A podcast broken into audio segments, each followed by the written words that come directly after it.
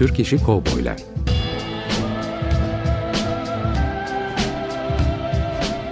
Türk sineması ve Yeşilçam'da Western.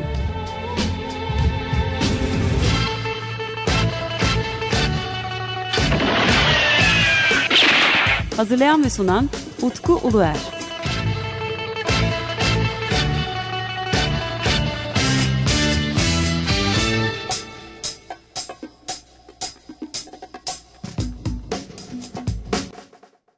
Açık Radyo dinleyicileri, bendeniz Utku Uluer ve yeni bir Türk İşi Kovboylar radyo programında da sizlerleyiz. Bugün çok değerli bir konuğum var, e, Fuat Erman. Efendim hoş geldiniz. Hoş bulduk, nasılsınız? Çok sağ olun. E, Fuat Bey ile bugün tabii ki özellikle Erman filmi üzerinden, e, Çeko filmi üzerine konuşacağız. Ancak tabii e, benim için de heyecanlı bir e, durum bu. Çünkü e, yapım şirketleriyle aslında yani birebir temas kurmak çok böyle kolay olmuyor. Ee, çok teşekkür ederim siz de beni Rica kırmadınız. ederim. Ben de size teşekkür ederim. Beni çağırdınız, konuk ettiniz. Biliyorsunuz e, günümüzde Yeşilçam dediğimiz zaman sadece birkaç tane artık film hatırlanıyor. Ancak e, Yeşilçam tarihine baktığımız zaman e, Erman filminin ne kadar önemli olduğu yani herhalde açıklamak için birkaç program gerekli burada. E, doğru yani genellikle birçok şirket e, bitti, el değiştirdi. E, varisler e, filmleri başka yere sattılar. E, dolayısıyla belki insanlar bu nedenden yani Erman filmde artık yok diye düşünebilirler. Bunu açıkçası pek eleştirilecek bir tarafı yok. Biz ne yapıyoruz derseniz evet 87'den beri e, yani e, bir üretim yok. 2003'te pederi kaybettik.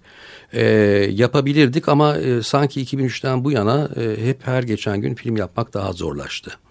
Gerek işte maliyetler açısından gerek onu e, dağıtıma sokmak, e, filmi göstermek açısından Bu bir özürdür ama bir anlamda da özür değildir. Hani birçok şey aşılıp yapılabilir ona diyecek bir şeyim yok.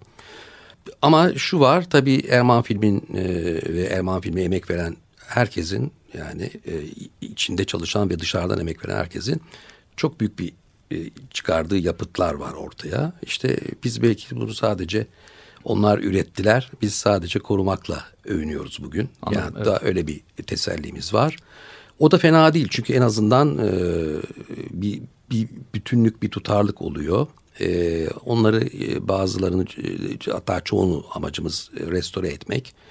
E, bir 30 tane kadar restore ettik. E, televizyonlarda böyle talep ediyor zaten. E, bu bir e, kültür serveti yani bu önemli. Geri dönüp baktığımız zaman biraz haksızlık edildiğini düşünüyor musunuz Erman filmin filmlerine yönelik olarak? Ben e, sadece Erman filme değil bütün Yeşilçam'a haksızlık ettiğini düşünüyorum. Bunu söylememin de çok tuhaf olduğunu biliyorum. Çünkü ben de lisedeyken ortaokuldayken Yeşilçam'ı çok eleştirdim. Film böyle yapılmaz. İşte biliyorsunuz yani o gençlik ve ergenlik. Ama sonra baktım ki yani e, insanlar neler yapmışlar. Yani şeye girmeyeceğim. Çok kısıtlı imkanlarla yani bu artık edebiyatını yapmak istemiyorum ama gerçekten kısıtlı imkanlarla yapmışlar. Örneğin e, geçenlerde bir e, sinema eleştirmeni ya dedi e, yapımcılar dedi hiç dedi e, sinemaya yatırım yapmadıkları için Türk sineması tıkandı dedi. Bu çok klişe biraz 70'lerden kalma bir e, görüş. Çünkü e, örneğin Erman film bazında alırsak ki başka filmler de var. Acar, İpek bunlar da çok önemli. Bunların hepsi e, Peto kurdu. Bunların hepsi yıkama stüdyoları, seslendirme stüdyoları yaptılar. Erman Film'in Bomonti'de kurduğu e, yıkama ve seslendirme laboratuvarı ve stüdyosu bir ahırdan bozmaydı. Yani Hı. bir ahırı oraya çevirdiler. Ha şimdi o zaman şöyle bir soru geliyor. E canım bunlar Hollywood ayarında değildi. Bir dakika tabii ki olmayacak. Yani Türkiye'nin dünyada yeri neyse Türk sinemasında dünyada yeri odur. Yani burada bir evet. tuhaflık yok. Ama bence birçok şey yapıldı. Yani e, o bakımdan e, e, bugün bana bu tür yapılan e, eleştiriler açıkçası sadece Erman filmi e, bağlı gönül bağım olduğu için değil ama beni biraz üzüyor. Çünkü hı hı. E, çok basma kalıp şeyler bunlar. Yani çok basma kalıp eleştiriler. Bir de e, aslında hani işte A sınıfı filmler, B sınıfı filmler evet. de yine bir şekilde aslında bir kenara ayırıyoruz. Evet. Yani birazdan da belki birazcık daha B sınıfı film tabii, olarak tabii. günümüzde nitelenen filmlere doğru döneceğim ama Erman filme ben baktığım zaman A sınıfı evet. kategorisine koyuyorum. Yani Türk sineması içerisinde evet. değerlendirdiğim zaman zaten genellikle bildiğim kadarıyla filmlerde bu Lale Ayağı denen e, sinemalarda çoğunlukla giriyor sanırım e, Erman film. Lale Ayağı dediğiniz. Hani işte e, Beyoğlu'ndaki işte belli bazı sinemalar var. Tabii tabii. Aksaray'da da var. Evet. O zamanlar biliyorsunuz sinemacıların sinemaları yok. Mesela bu beni çok düşündürüyor son zamanlarda. Bunun cevabını bulamıyorum. Niye o zaman sinemacılar sinema satın, filmciler niye sinema satın almadı? Niye bir sinema, o zaman tabii böyle zincir falan yok ama niye hepsinin birer ikişer üçer sineması olmadı da kendi işleriyle yetindiler? Bunu bunun cevabını veremiyorum. Çünkü Aksaray'da da vardı, Kasımpaşa'da da vardı. Biliyorsunuz maksimum 8 kopya basılıyordu. Sonra motosiklette kopyalar gidip geliyordu. Onu Hı. biliyorsunuz. Yani bir sinemanın şeyi kaydırılaraktan diğer sinemayla seansı oradan oraya film yetiştiriliyordu. Dolayısıyla imkanlar kısıtlı ama çok büyük bir özveri olduğu gibi çok büyük de bir e, işini bilmek var. Yani e, öyle veya böyle işte görüntü yönetmeninden yönetmenine kadar işte belli bir zamanda ki Erman filmin filmleri bir ayda çekiliyor diye yani Hollywood falan deniyordu Erman filme. Normalde bir haftada on günde biten filmler vardı. E, buna rağmen bir, bir çok e, nitelikli şeyler de oldu. Çok kötü şeyler de oldu. Tamam yani yapacak e, bir şey yok. Bu, e, işte normal. bu yüzden yani e, işte kurulan stüdyo ondan sonra e, harcanan zaman baktığımız zaman işte bir tarafta bakıyoruz bir hafta bitirilen hatta beş günde bitirilen filmler de var. Hani. Evet, evet. Sanırım Erman filmi ama bir film olduğu zaman hani bir ay, bir buçuk ay. Bir ay, bir ay Hı. maksimum. Bir ay, bir ay, bir hafta.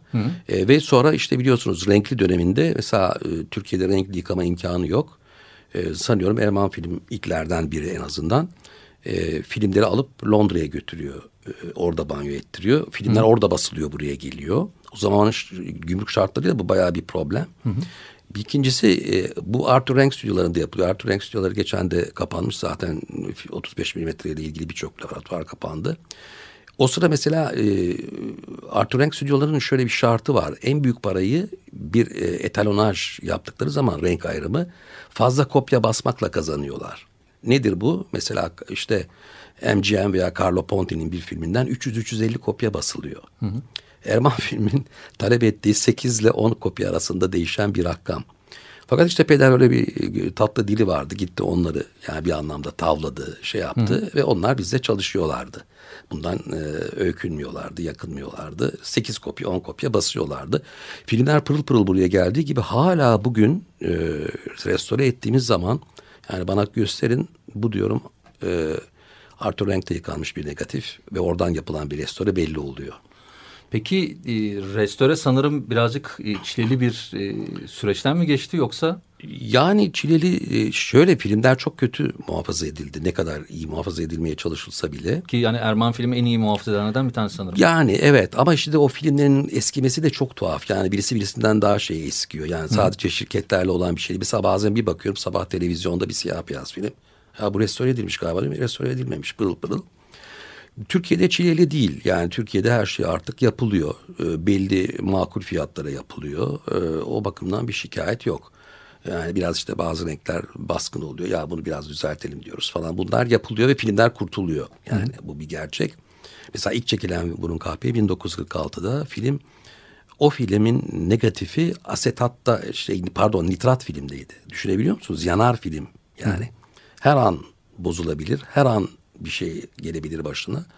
İşte onu e, İKSV ve e, bu sigorta şirketinin de normal negatife aldık. Oradan da bir e, restorasyon yapıldı. Bir film kurtuldu. Evet, baktığınızda. Evet, evet. Genel tarihimize baktığımız zaman be, uzandan beri işte radyo programı ya da web sitesiyle e, gözlemlediğim hani filmlerimizin çoğunun maalesef kurtulamadığı. Evet evet. Bu açıdan baktığım zaman... Üç er... yangın var biliyorsunuz. Evet tabii. Evet. Erman filme baktığım zaman o açıdan birazcık daha şanslıyız. Ya, filmlerin çoğu e, evet, görseller evet, günümüze evet. ulaşabilmiş. Evet. O açıdan bakınca aslında. Evet. Gerçi yanan bir iki tane var o büyük yangınlardan Hı. birinde. Yandığı zaman da biliyorsunuz filmin bütünü yanmıyor. Ama üç tane kısım yandığı zaman zaten film bitiyor. yani. Hangi filmler? Kadın Asla Unutmaz. Hı hı. Daha birkaç tane daha var. E, Asıl Cengaver de Arabistan'a bir yere gönderiliyor kopya yapılsın diye. Ve geri gelmiyor. Anladım. Şimdi neresi, de, neresi olduğunu bulamıyoruz onu. Bulduğumuz genelde e, o zaman Yunanistan'a gitmiş ve altına Yunanca altyazılar e, yapılmış filmler Hı. oluyor. Onu da bazen televizyon kanalları kabul etmiyor. anladım. Ama sizin arşivinizde yer alıyor sanırım. Ee, yok işte onlar yok. Yani mesela bir iki film böyle yok. Bir tanesi de dediğim gibi Arabistan'da bir ülkeye gidiyor orada bir daha geri dönmüyor. Konumuz Türk işi kovboylar. Evet. Ee, ve Erman filminde sanırım e, damga vurduğu bir nokta var. Evet. Çeko filmi. Evet. Şimdi e, 15 gün önce yayınladığımız programda e, ben Çeko filmiyle ilgili hem Çetin İnancı'nın hem e, Yılmaz Köksal'ın içinde de yer aldığı, beraber sohbet ettiğimiz bir e, görüşmeyi yaklaşık olarak 5 e, yıl sonra tekrar yayınladım. Evet, çok ilginçti. E, ve orada hani onların bakış açılarından e, filmin hikayesini gördük. Evet. E, sanırım Yılmaz Köksal'ın en duygusal anları da e, özellikle filmin e, afişiyle ilgili olan hikaye. Onu anlattığı zaman her, her seferinde e, gözleri yaşarıyordu. Maalesef tabii kendisini kaybetmeden önce bu kayda e, ulaşmamız bizim için sevindirici tabii, ama ne güzel, yönden, hani, ne güzel. Aslında keşke daha fazla görüşseydik. E neden duygulanmış merak ettim. Orada anlatırken e, devamlı şekilde işte benim ismim başka isimlerin üzerinde olmazdı. Ha Çünkü, anladım. Hani biliyorsunuz bu afişlerle ilgili konularda genelde işte kimin ismi kimin üstündedir hani çok kavga ederlermiş. Anlatılanlar bize bu. Doğrudur. E, fakat afişe baktığımız zaman Erman film takdim eder. Çeko yazıyor. Bu yönden hani onlar için ne kadar önemli olduğunu uzun uzun anlatmışlardı o, e, eklediğim kayıtta. Fakat tabii genelde e, işte Yeşilçam üzerine e, bu konularla ilgilendiğimiz zaman işte yönetmen, oyuncularla görüşürüz. Ancak bir de yapım şirketi açısından e, evet. konuya bakmanın da bence önemli olduğunu düşünüyorum. Onun için hani sizinle sohbetimiz birazcık hani o e, çerçevede olursa Doğru tabii. Soracağım benim de birkaç tabii, tane soru var. De, şimdi e, biraz evvel söylediniz yani Erman film aksiyon filmleri olarak hep nokta atışı yaptı. Yani böyle Hı-hı. birkaç tane arada aksiyon filmleri oldu. Bunlardan bazıları biliyorsunuz kostümeydi.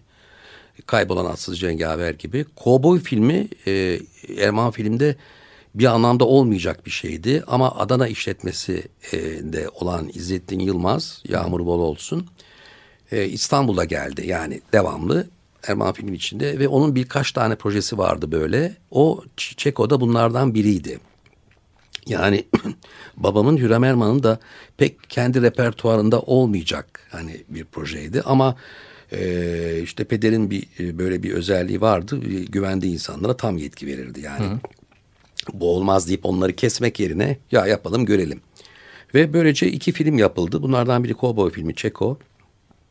Diğeri ise Hoş Memo. Çetin İnanç da o zaman geldi hı hı. E, zaten ofise. Ve onun çok ilginç bir e, cümlesi var diyor. Ben diyor Hürrem Erman'ın odasına girince diyor kendimi Hollywood'da sandım diyor. Böyle işte e, babamın masasının hala duruyor. E, ayakları koçbaşıdır falan böyle özel yapıldı Hı. böyle. Yani bir görkem var. E, o çok etkilemiş Çetin İnancı. Ve e, bu film çekildi. Siyah beyaz çekildi ki o dönem biliyorsunuz bayağı renkliler evet. artık yavaş yavaş baskın olmaya başlıyordu. Şunu sorarsanız niye nokta atışı yaptı? Evet. E, o bence iki nedeni olabilir. Yani bir ihtimal tabii bu benim tahminim. Birincisi yaptığı hasılat. Şimdi o çok zayıf bir ihtimal çünkü o zaman biliyorsunuz paket e, dediğimiz sistem var. Yani bu film işte belli filmler arasında e, verilmiştir hı hı. ve yani kendini çoktan kurtarmıştır büyük bir iş yapması da. E, diğeri de e, e, bunun devam etmemesinin nedeni yani pederin daha çok ağırlıklı olarak belki duygusal filmlere, melodramlara olan zaafıdır. Hı hı. Ha şimdi bunu İzzettin Yılmaz peki niye önerdi bu iki filmi? Gayet basit. Biliyorsunuz Adana bölgesi hem Adana hem Doğu'ya film veriyordu. Orada da geçer akçe olan hep aksiyon filmleriydi. Evet. Yani melodram orada geçmiyordu. Büyük şehirlerde geçiyordu. İstanbul, İzmir, Ankara. Ama aksiyon filmleri Adana'da geçiyordu. Özellikle de Doğu'da geçiyordu. Hatta bir şey olmuş yanlışlıkla bir melodram gönderilmiş Doğu'da bir yere. Bir e, Erman filmin Adana e, ofisinden. Adam telefon etmiş. Ya demiş bunu nereden gönderdin? Bana Kiliç gönder. Kiliç yani aksiyon filmi olaraktan anlatabiliyor muyum? Yani olmuş gerçekten bir hikayedir bu. Şimdi öyle bir şey olabilir. Yani e, ikisi de ya dediğim gibi Şimdi e, o zaman böyle işte filmler e, bir paket olarak verildiği için sinemalara yani kimse gel hiçbir sinemacı e, işte ya ben buradan üç tane film alırım demiyor. İşte bunu alacaksan şunu da alacaksın bunu da alacaksın. Şey Amerikan sistemi gibi. Onun için bu film kendini kurtarmıştır. Ama devam etmemesinin nedeni bu. Sonra bu olabilir. Yağmuru bol olsun. Gene İzzettin Yılmaz'ın başka şeyleri denemek istemesi olabilir. Komedi gibi. Hı hı. Nokta ile virgül. Mesela tamam. örneğin onlar ki onların da Erman filmde de ilk filmleri. Oksal Pekmezoğlu yönetmen. Hı hı. Gene böyle birkaç tane komedi. Bu şey e, İsmail Hakkışen, e, Müjdat Gezen, Yavru ile Katip falan evet. bunlar yapılmış. Böyle bir deneme yani Erman filmin içinde İzzettin Yılmaz'ın kendine denediği bir yol olarak görebiliriz. Anladım. anladım. Başarısızlığını yani hasılat olarak şey yapmıyorum. Dediğim gibi yani e, biliyorsunuz o şirketler çok ilginç. Tankerler gibi. Belli bir hız kazandıktan sonra e, kolay kolay sırtları yere gelmiyor eğer çok kötü yönetmezseniz. Bunun bu soruyu Hürrem Elman kitabı hazırlarken Rıza Kıraç, Elman filmin bugünkü anlamda CEO'su Şeref Güre ile konuşurken ben de Şeref Güre dedim ki ya dedim, Şeref abi dedim yani Erman film ne zaman artık ya gideriz. Ha dedi renkli ışıktan sonra dedi hı hı. bizim hiçbir zaman sırtımız yere gelmez dedi.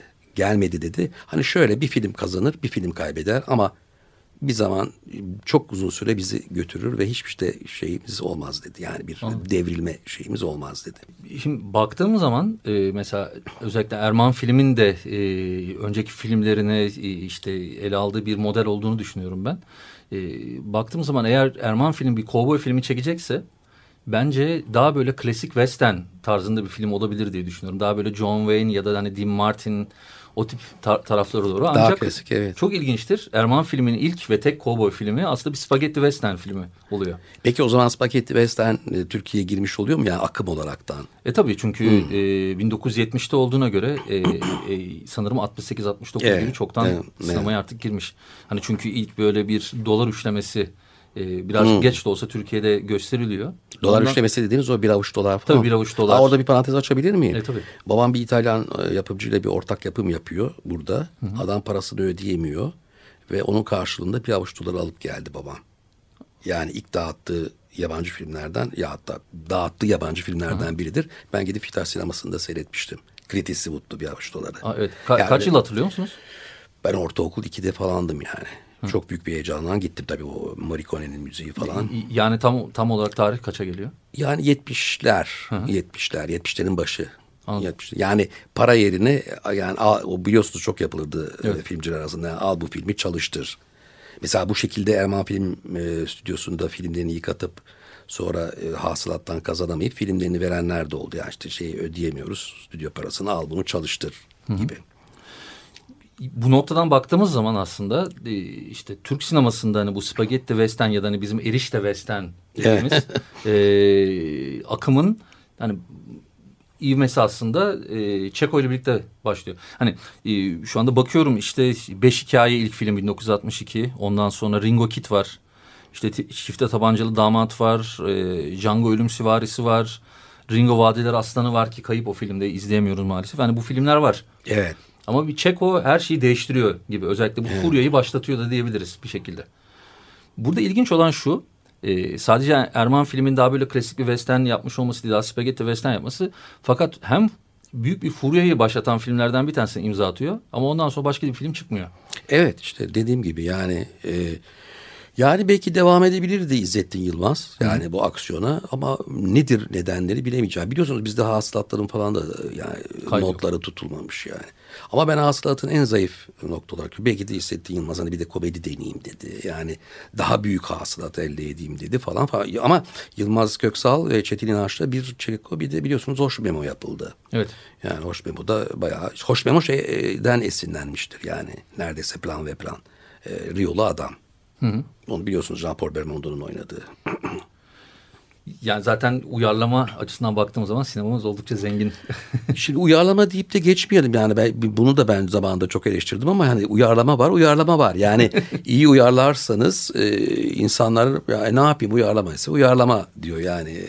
Biliyorsunuz Arabistan'la da öyle çok değiş tokuş yapıldı.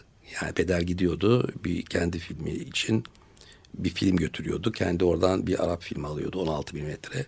Onu burada mesela Türk versiyonu yapılıyordu. Hmm. Şeyli ama yani bilerek karşılıklı yani Anladım.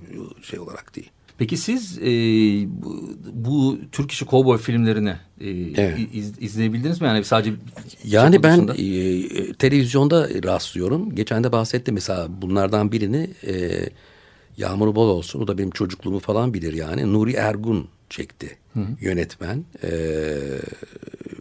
ve bayağı bir zamanlar ismi bilinen bir yönetmendir.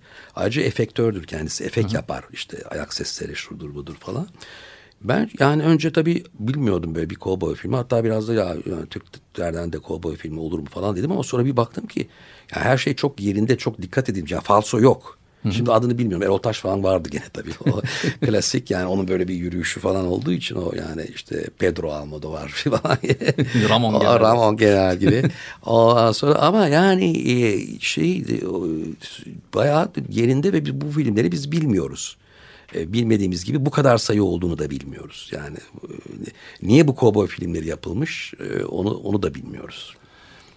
Anladığım kadarıyla yani Evet. bu işte bir, bir seneyi aştı artık bu radyo programı yaptı. Anladığım kadarıyla bu yani cowboy konseptinin e, Türkiye'de bir e, yani ilgisi var. Hani kovboyculuk oynuyor çocuklarda.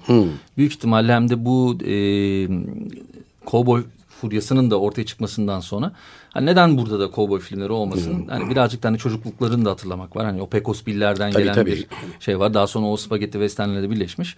Bu şekilde bir üretime girmiş. Hani siz de biliyorsunuz e, Yeşilçam sineması furya üzerine kurulu. Tabii tabii. Bir yerden bir furya başladı mı o bir yıl, iki gün, iki yıl, bir yıl, iki yıl e, devam ettiriyor kendi e, ateşini. Evet. Bizde de sanırım öyle devam etmiş ve bir anda da bıçak gibi kesilmiş.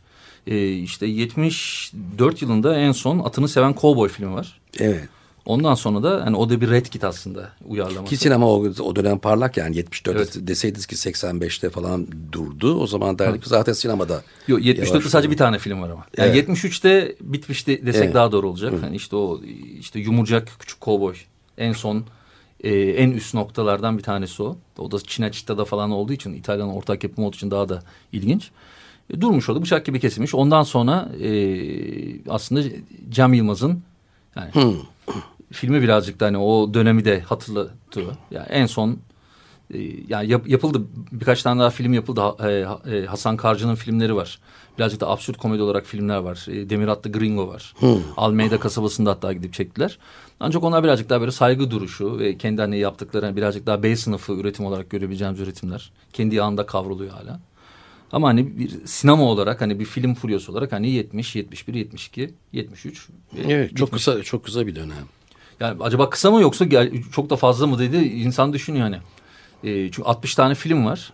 O döneme sıkışmış. Yani evet. Ha. Çizgi roman çok e, tutuluyor ülkemizde. Doğru. Şimdi çizgi roman çok tutulduğu için de e, çizgi romanla ilişkilendirebiliriz de bu furyayı. E, ve sonra durmuş, bitmiş. E, başka bir şey başlamıştır. Evet. Mesela e, baktığınız zaman bütün e, işte filmlere yani Erman filmin Evet. yaptığı filmleri. Mesela keşke şöyle bir filmde olsaydı dediniz. Ya da hani keşke şu aktörler daha fazla yer alsaydı dediğiniz var mı? Hani sizin. Birçok oyuncuyla çalışıldı. Dönem dönem oyuncular e, ünlüydü. Ha, Türkan Şoray'la belki daha fazla film yapılabilirdi. Bir böyle kırgınlık oldu başta. Sonra gerçi barıştılar ama bir türlü film yapma imkanı olmadı. Türkan Hanım kitabı da söylüyor diye söylüyorum. Ee, hatta böyle çok yani sı- sıcak şeyimiz oldu. Ee, Gidip ilişkimiz bir yıl bir yerde yılbaşı geçirdik falan. Ama olmadı. Yani belki Türkan Hanım'la yapılabilirdi. Ama e, Erman Film CEO'su Şeref Bey kendine bir yerden sonra bir şirket kurdu. Gene Erman Film'in içinde kalaraktan. Şeref Film diye ondan da işte onlar vesikalı yarımı yaptılar ki bugün bir kült film yani. Evet. Lyon'da mesela gösterdik Fransızlara falan bayağı e, ilgi topladı. Efendim e, çok teşekkür ederim. Ben teşekkür ediyorum. Çok güzel bir sohbet Ee, oldu. Sağ olun, var olun. Yani özellikle de e, bir hani bir firma açısından da hani birazcık daha işin aslını da görmek. Yapımcılar hep kötüdür ama şimdi artık o da artık yavaş yavaş biraz E, yani şimdi e, şöyle bir şey açıklayayım. E, ben mesela e, daha önce ilk e, arşivlemeye başladığım zaman e, sadece sanatçı ismiyle arşivliyordum. Ondan sonra yıllara göre e, ayrıştırmayı seçtim. Ve son dönemde ben e, yapım şirketlerine göre ayırmaya başladım. E, yapım şirketlerine göre filmleri kategorize ettiğim zaman hangi film eksik o- onu bulmam daha rahatlaşmaya tabii başladı. tabii doğru. Çünkü özellikle Yeşilçam konusu olduğu zaman e, eksik film, yani hangi filmler kayıp sorusu bizim en önemli sorularımızdan bir tanesi. Ben de onun için artık yapım şirketleriyle birlikte e, kategorize etmeye başladım. E, hani zaman içerisinde değişiyor aslında insanın bakış açıları. Hani lobilerimi öyle saklamaya başlıyorum işte şu şirket Tabii tabii anlıyorum. bu, bu daha iyi bir kategorize etme e, tavrı diye düşünüyorum. Onun alt not olarak da yönetmenini, oyuncularını yazarsınız Tabii, zaten. tabii. Tabii tabii. Yani çünkü böyle ele aldığımız zaman birazcık daha belki nokta atışı yapabiliyoruz. Anladım. Anladım. Yani çünkü Öteki türlü dağınık oluyor. Yani şöyle açıklayayım. Mesela Cüneyt Arkın'ın bütün filmlerini toplamaya çalışıyordum ben bir ara. Afişlerini toplamaya çalışıyordum. E, ve elimde benim yaklaşık olarak 500'e yakın bir filmlik bir e, liste vardı. Daha sonra çifte isimler, üç kere yapılmış, dört tane verilmiş isimler falan derken bu liste bizde yaklaşık 300 filme kadar hmm. düştü. Yani Cüneyt Arkın'ın bir şey vardı işte ben bin filmin üzerinde oynadım diye. Hayır yani 300 civarında bir filmde oynamış. Yani bin filmde oynamak yani evet. mümkün değil zaten. Tabii. Yani, ama 300 film civarında bir oynamış. Doğru, doğru. Yani 250 ile 300 arası şu anda böyle bir rakamı rahatlık net olarak ifade edebiliriz. E şimdi bunları kategorize ederken e, sadece Cüneyt Arkın adı altında yaptığım zaman Tabii tabii anlıyorum. Yani işte mesela Gülgen filmde ayırmak ya da işte Ant filmde ayırmak ya da işte öyle ayırmak çok daha kolaylaştırmaya başladı işimi mesela. Tabii tabii. Yani bu da bir not olarak söyleyeyim. Tabii tabii yok doğru doğru yani belki de gerçekten de hani sizin de hani sizden de belki böyle bir e, farklı hani çalışmalar bekliyoruz efendim. İnşallah. İnşallah. Tabii. Çok sağ olun. Çok, çok, çok teşekkür ederim ben. Ee, çok güzel bir sohbet oldu. Sağ olun. Hem katıldığınız için teşekkür ederim. Ben hem teşekkür ediyorum. Teşekkür beni ederim. çağırdınız. Oldu. Beni konuk ettiniz. Sağ olun. Var ee, olun. Görüşmek üzere. Ee, yeni bir Türk işi e, Kovboylar programında 15 gün sonra tekrar buluşmak üzere. Tekrar değerli konuğum e, Fuat Erman'a çok teşekkür ediyorum. E, ben de teşekkür ediyorum. Sağ olun. Yeniden görüşmek üzere. Hoşçakalın. Türk İşi Kovboylar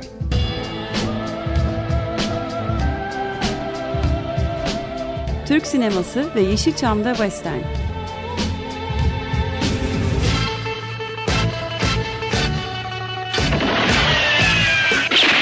Hazırlayan ve sunan Utku Uluer.